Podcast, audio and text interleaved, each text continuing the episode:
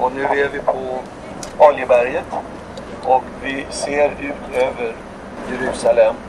Vad vi ser härifrån, gravplatserna, de är ju nedanför oss. Dette var en guide som fortalte litt for ei gruppe på Oljeberget.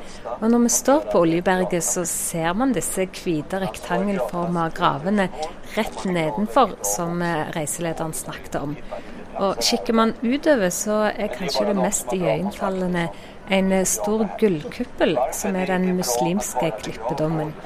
Den står på Tempelplassen, som man kan se omgitt av en høy mur i sandfarga stein og grønne trær.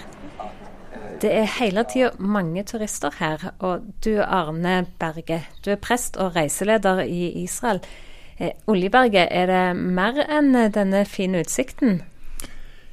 Ja, det er det. Uh, Oljeberget er absolutt et sted som har uh, plass mange, i mange fortellinger i Bibelen.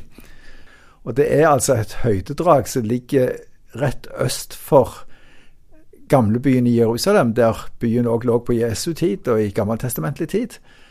Um, det er et uh, Det er fin utsikt fordi det ligger litt høyere enn byen. Samtidig så er det òg en grense ut mot uh, ødemark og ørken. Sånn at uh, en av ferdselsveiene inn i Jerusalem på den tida gikk over Oljeberg, og på andre sida er det ganske bratte bakker nedover mot Jordandalen og Dødehavet.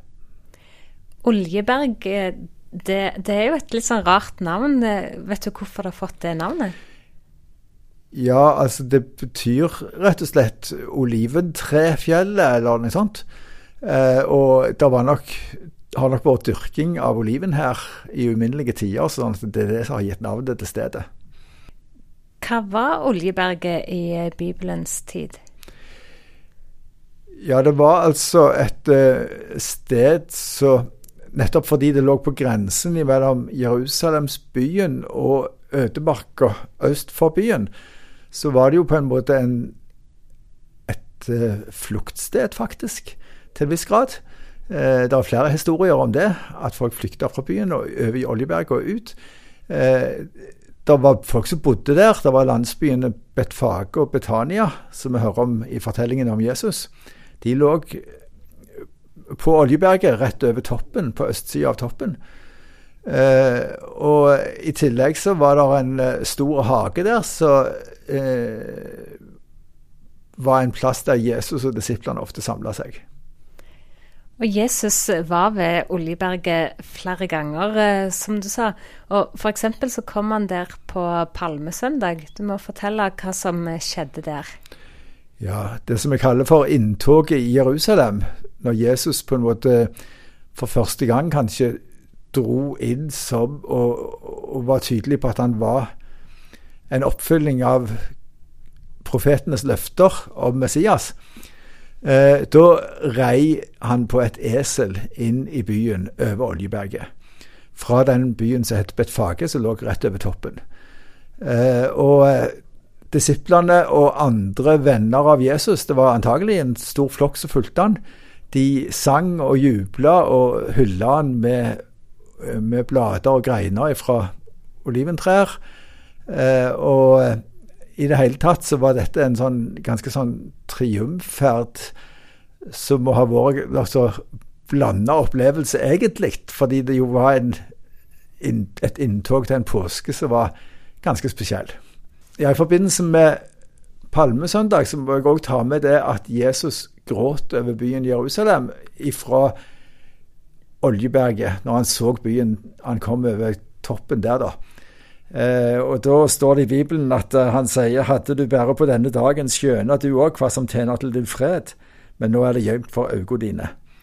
Altså Han var på en måte trist, samtidig så han var glad for å komme til Jerusalem. Altså Det var en sånn blanda følelser hos Jesus, og hos de som fulgte han, sikkert òg. Eh, der er bygd ei egen kirke på Oljeberget som minnes dette med Jesu gråt. Den heter Dominus Flevit og har er veldig fin symbolikk i seg. Eh, men ellers er det fortellinger om at Jesus overnatta på Oljeberget mange ganger når han var i Jerusalem i forbindelse med forskjellige høytider. Eh, og det kan ha vært både i Getsemanehagen, som jo òg er en del av Oljeberget, Og det kan ha vært i Betania, landsbyen, der han hadde nære venner. Og så står det òg en ganske stor tekst i flere av evangeliene om at Jesus holdt en, en stor tale for disiplene på Oljeberget om de siste tider, om endetiden, at han skal komme igjen. Da vi var i Israel, så stoppet vi på Oljeberget, og det er vanlig at mange turister gjør det. Hva pleier du å gjøre eh, sammen med gruppene som du er reiseleder for, når du er der? Ja, det er jo nettopp fordi det er så fin utsikt over byen der, så er det jo en plass det er naturlig å gi tid for rett og slett å ta en del bilder og sånt. da. Så det er en veldig vanlig ting å gjøre der. Eh, men så er det òg veldig fint å rett og slett gjøre seg litt mer kjent med byen ved å se utover og sette forskjellige plasser i eh, forhold til hverandre. Sånn at det er veldig vanlig for meg, i hvert fall når jeg er der oppe med ei gruppe, å peke på forskjellige kjente bygninger, kjente steder, og på en måte peke de ut og vise hvor de ligger i forhold til hverandre. Og Det kan være interessant både når en for første gang kommer til Jerusalem, men det er òg ganske interessant når en har vært i byen og på en måte vært på forskjellige steder. og Det å se de fra oven og se de i forhold til hverandre. Den kristne artisten Morten Samuelsen han eh, var òg med på en tur til Israel med ei gruppe. Og da framførte han eh, sangen 'Den hellige stad' for deltakerne. Og da med lyden av fuglekvitter og Jerusalem i bakgrunnen. Og vi har fått låne det opptaket. Eh, hva tenker du når du hører den sangen? Ja, jeg tenker jo at Jerusalem det er et ord som vekker følelser i mange forskjellige retninger. Og det dreier seg om en uh, fysisk by, en, en vanlig by der er mennesker som lever, og der det går an å reise på ferie. Eh, det dreier seg om en by som er historisk og som er bibelsk. Så veldig mye av viktige bibelfortellinger er knytta til, og ikke minst har hatt en helt spesiell posisjon i, i den kristne, eller den bibelske åpenbaringen, med alt det som skjedde der. Men så har òg Jerusalem en, eh, en, himmelsk betydning, kan vi nesten si. Altså, En snakker om det nye Jerusalem. Og det dreier seg jo om at byen òg har fått en plass i tekster i Det nye testamentet, spesielt i Johannes' åpenbaring, eh, der det ble beskrevet, der himmelen ble beskrevet, der det evige livet blir beskrevet, og der det himmelske Jerusalem er en del av dette bildet. Så når jeg hører denne sangen, så spiller egentlig alle disse ulike eh, nyansene med, og fyller den med innhold. Jerusalem, Jerusalem. Lukk opp din port, vær glad. Hosianna i det høye. Hosianna, Davids stad. Har eh, Oljeberget noen plass i Det gamle testamentet òg? Ja, absolutt. Eh, og da vil jeg nevne et par ulike bibeltekster. Det ene er fra kong Davids tid, sånn ca. 1000 år før Kristus. Eh, David var konge i Jerusalem. Han hadde mange sønner, og det var en strid blant sønnene om hvem som skulle overta. Det var en del intriger der og sånt. Og det var bl.a. et kupp der Absalom tok makta, og David måtte rømme. Eh, og da rømte han nettopp over Oljeberget. Da står det at han eh, hadde et veldig følelseslada en følelseslada eh, avskjed med byen. Han regnet nok med det var siste gangen han så Jerusalem. Så han gikk ut av byen og gikk over Kedronbekken og gråt. Den, det er den bekken som går renner imellom byen og Oljeberget. Så står det videre at han gråt òg mens han gikk oppover bakkene på Oljeberget.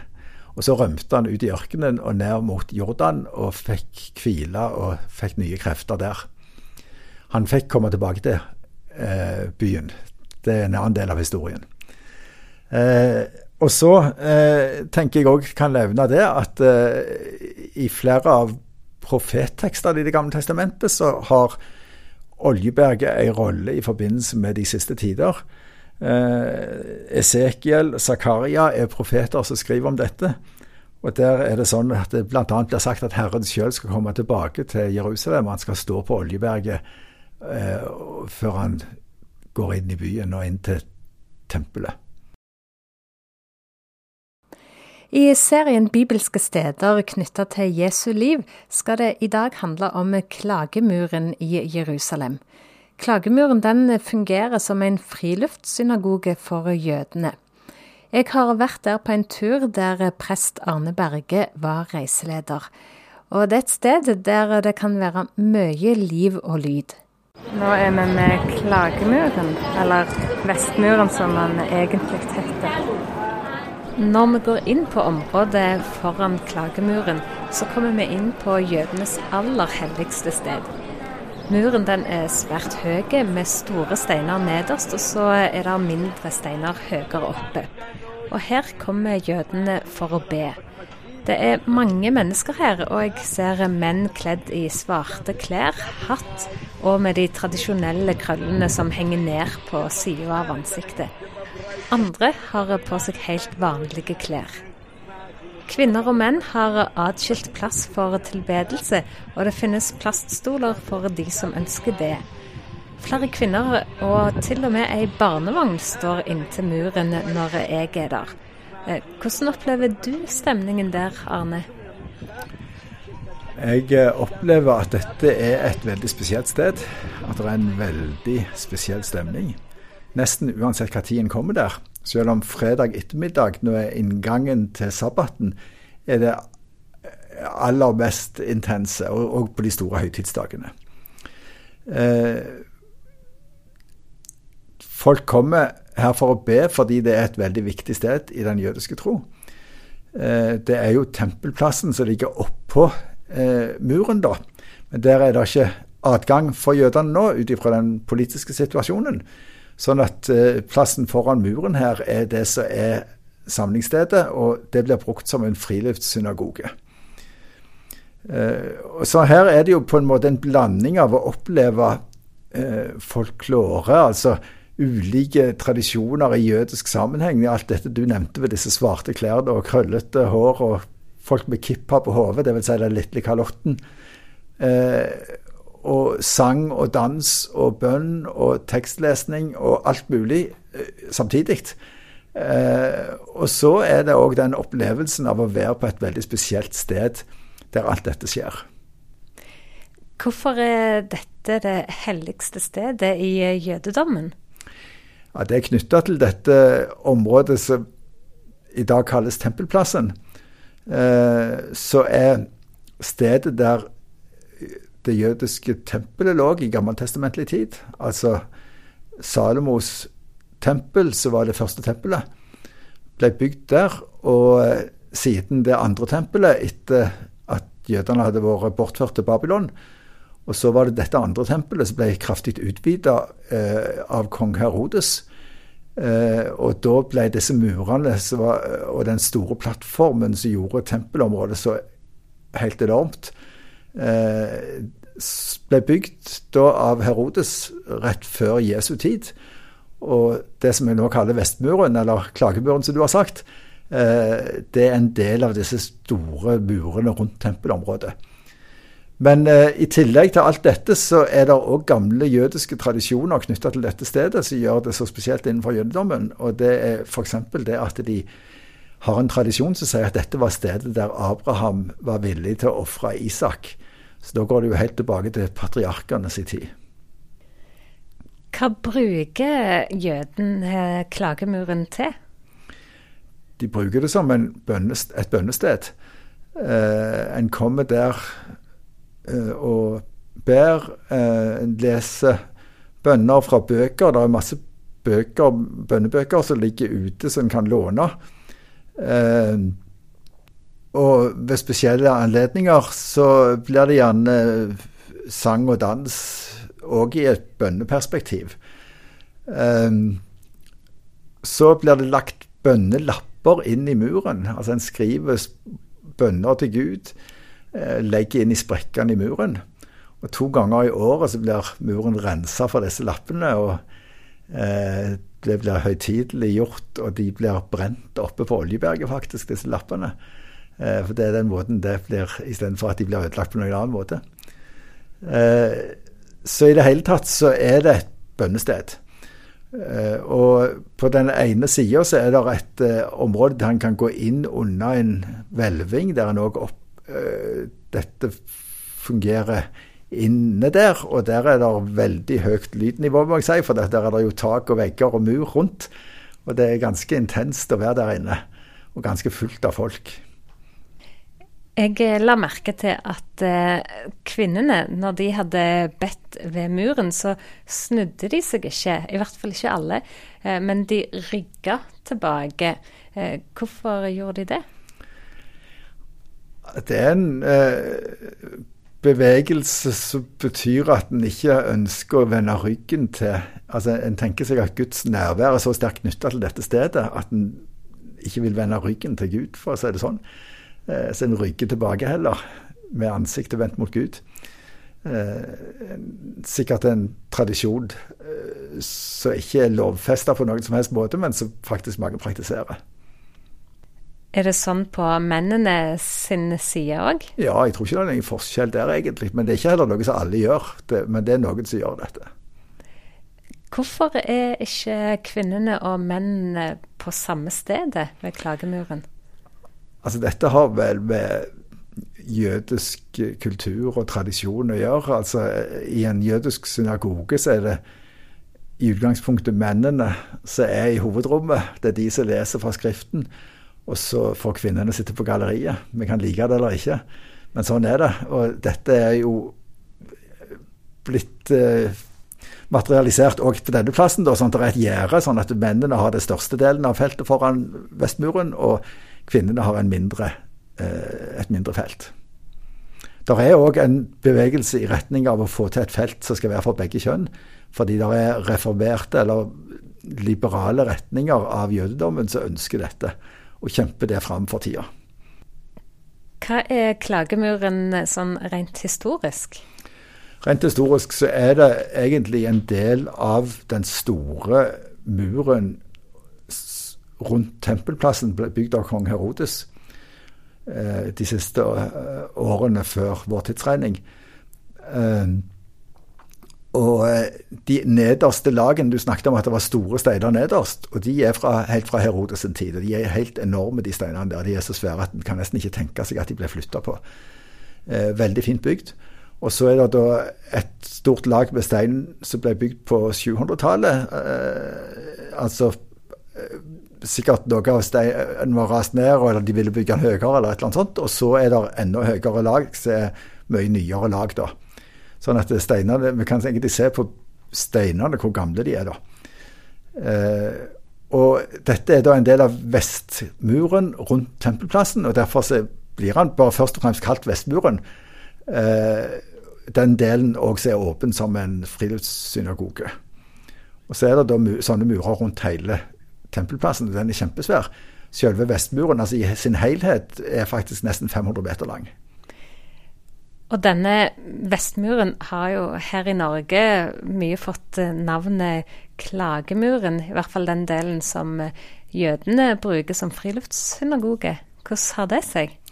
Altså Det er et navn som har blitt satt på han av eh, tilreisende europeere, tror jeg vi kan si. Eh, så så hvordan jødene eh, sto og ba, bevegelser de gjorde, og at de gjerne grein når de ba. Og dermed så tenkte de seg med en gang at dette var snakk om et klagested. Og dermed så ble det kalt for dette. Eh, men eh, dette er ikke et eh, Altså, den jødiske